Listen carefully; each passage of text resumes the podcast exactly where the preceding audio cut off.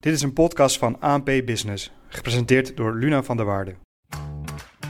Door de hete zomer van 2022 nemen de meldingen van funderingsschade aan Nederlandse huizen toe. Dat schrijft één vandaag op basis van cijfers van Kenniscentrum Aanpak Funderingsproblematiek. Ik spreek hierover door met Robin Loomulder van Fugro. Wil je jezelf kort voorstellen? Ja, natuurlijk. Mijn naam is, zoals je al hebt gezegd, Robin Loomulder. En ik ben werkzaam als eh, senior adviseur hydrologie bij Fugro. En ik doe daar eigenlijk alles met grondwater. Mensen hebben nu in de herfst funderingsproblemen door de hete zomer. Hoe zit dat? Nou, het zit eigenlijk zo. Als gevolg van klimaatverandering uh, verandert ook de neerslag. Tenminste, de regen die valt door het hele jaar heen. In het verleden volgde dat rustig alle seizoenen. Alleen nu is het zo dat de totale neerslag niet verandert. Alleen die neerslag valt allemaal in hele korte pieken, gevolgd door lange periodes van droogte. En in zo'n hele lange periode van droogte, de afgelopen zomer was er een, maar 2018, 2019 waren ook heel berucht, dan daalt de grondwaterstand en dan daalt die tot een heel laag niveau. En dat kan eigenlijk de fundering aantasten. En dat gaat dan vooral op woningen uh, die gebouwd zijn op, op veen. Over welke gebieden in Nederland hebben we het dan? Het gaat, gaat eigenlijk over gebieden waarin je zettingsgevoelige lagen kunt uh, verwachten. Dat is voornamelijk veen en klei ook. En dat gaat eigenlijk uh, over heel Nederland, behalve echt zandgronden.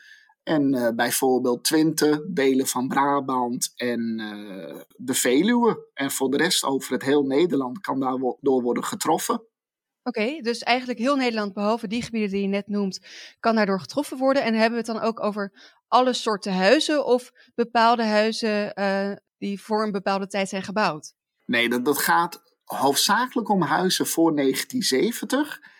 Ik wil niet er een heel saai, lang technisch verhaal van maken, maar er doen zich twee fenomenen eigenlijk voor in de bodem. Uh, heel wel bekend is uh, houten paalverderingen. Nou, door die hele lage grondwaterstanden kunnen die droog komen te staan, waardoor ze verrotten. Dat, dat is een algeheel bekend probleem. En een tweede probleem is, heel veel woningen in ons land, met name wat oudere woningen, die zijn gefundeerd, zoals dat heet, op staal. Die staan eigenlijk rechtstreeks op de ondergrond. En door die extreem lage grondwaterstand verandert het krachtenspel in die veen- en kleilagen. En daardoor kunnen die lagen in gaan klinken, waardoor maaiveldzakking ontstaat. En die huizen kunnen dan meezakken met alle schade als gevolg, zoals scheuren en dergelijke. En wat zijn dan de consequenties uh, van die funderingsproblemen voor huiseigenaren? Nou, die kunnen best fors zijn. Natuurlijk kun je cosmetisch schade herstellen, maar als je dit echt wil aanpakken, dan zul je echt letterlijk bij de fundering moeten beginnen. En uh, dat brengt een echt forse kostenpost met zich mee, variërend ergens tussen de 50 en 100.000 euro per woning. Dus ja, reken dan op gemiddeld 75.000 euro per woning. En dit zijn dan ook de gevolgen voor huiseigenaren, uh, die dus heel veel geld kwijt zijn om hun fundering uh, te repareren. Maar heeft dat uitgedroogde veen ja, ook nog andere consequenties, los van de huiseigenaren? Een gevolg wat dit nu al heeft, is bedenk bijvoorbeeld, Nederland heeft heel veel veenweidegebied, heel veel natuurgebied. Bekend daarvan is bijvoorbeeld het gebied rondom Giethoorn, maar ook het Friese veenweidegebied. En bedenk, als de grondwaterstand daalt en daalt, dat veen komt droog te vallen en dat oxideert. En daardoor komt heel veel CO2 vrij. Bedenk dat bijvoorbeeld 2,5% van de totale CO2-uitstoot van Nederland wordt veroorzaakt doordat dit veen droog komt te vallen. Dat is nu al een hele harde realiteit. En een andere realiteit, zoals de afgelopen zomer, uh, maar ook eerdere zomers, is de scheepvaart krijgt het heel erg moeilijk. En landbouw krijgt het heel erg moeilijk. Want waar vinden de agrariërs nu hun water om hun gewassen te besproeien? Dus, en dat zal in de toekomst ja, waarschijnlijk alleen maar extremer worden. Ja, dus als ik het goed begrijp, zijn de funderingsproblemen niet alleen een gevolg uh, van klimaatverandering, maar uh, dat droge veen veroorzaakt eigenlijk ook weer klimaatverandering.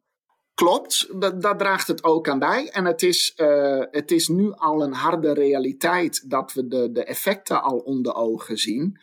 En daarom vind ik persoonlijk dat dit niet alleen een probleem van de woningeigenaren is, maar gewoon van ons allemaal. En ik zal er ook voor pleiten dat we samen met de overheden de handen ineens slaan om dit op te lossen. We zitten nu ook natuurlijk met een woningtekort. Uh, heeft het ook nog consequenties daarop? Uh, ja, natuurlijk. Als uh, het alom in het nieuws is gewoon een probleem dat we gewoon honderdduizenden huizen tekort komen. En als ook nog eens de bestaande woningvoorraad, als dat naar beneden gaat doordat woningen onbewoonbaar worden en er niet nieuw kan worden gebouwd, ja, dan brengen we onszelf steeds meer en meer in de knel natuurlijk.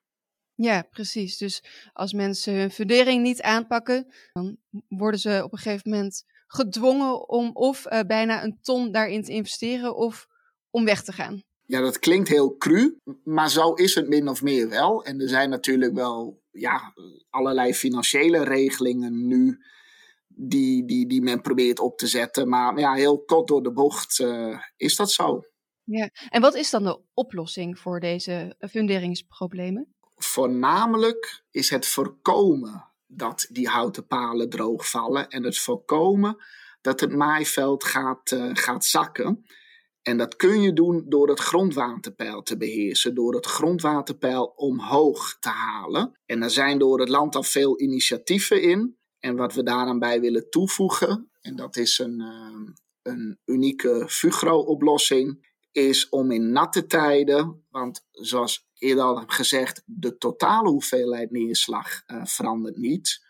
Uh, alleen de tijdsduur waar, waarin, waarin de regen valt, dat, dat, dat verandert. En in natte tijden, als je dus water in overvloed hebt, dat water te verzamelen en in de bodem op te slaan.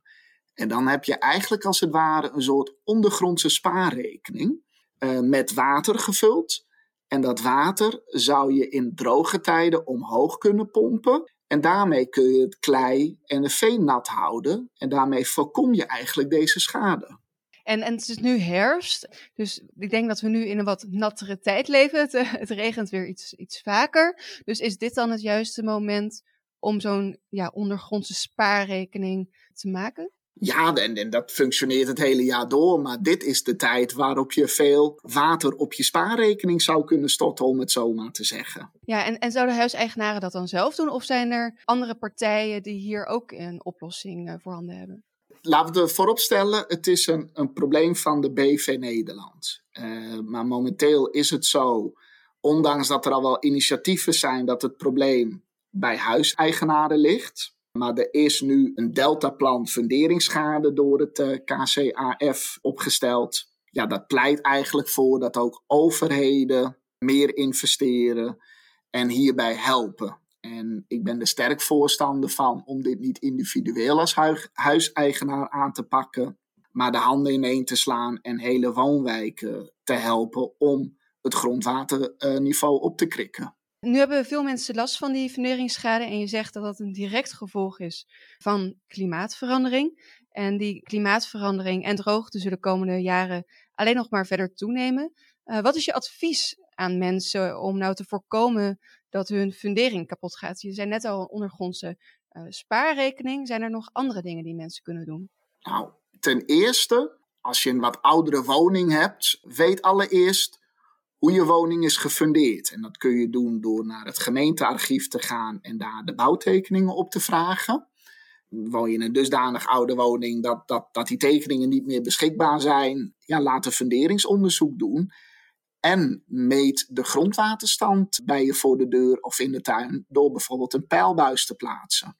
En ja, als, als je daaruit blijkt dat jouw woning een risico is, bijvoorbeeld je hebt een hele ondiepe fundering en je hebt klei, veen in de bodem en die grondwaterstand is niet al te hoog, of je ziet je woning is op houten palen gefundeerd, dan kun je bijvoorbeeld actie ondernemen als huiseigenaar, mits de ruimte natuurlijk toelaat, om bijvoorbeeld kunstmatig heel lokaal rondom je woning uh, de grondwaterstand te verhogen. Door bijvoorbeeld een dreentje in te graven en die te vullen met water. Robin Loomulder van Fugro, dankjewel. Graag gedaan. Dit was een podcast van ANP Expert Support, in dienst van ANP Business. Deze expert staat in de bronnenbank van ANP. Zie ook anp.nl/experts.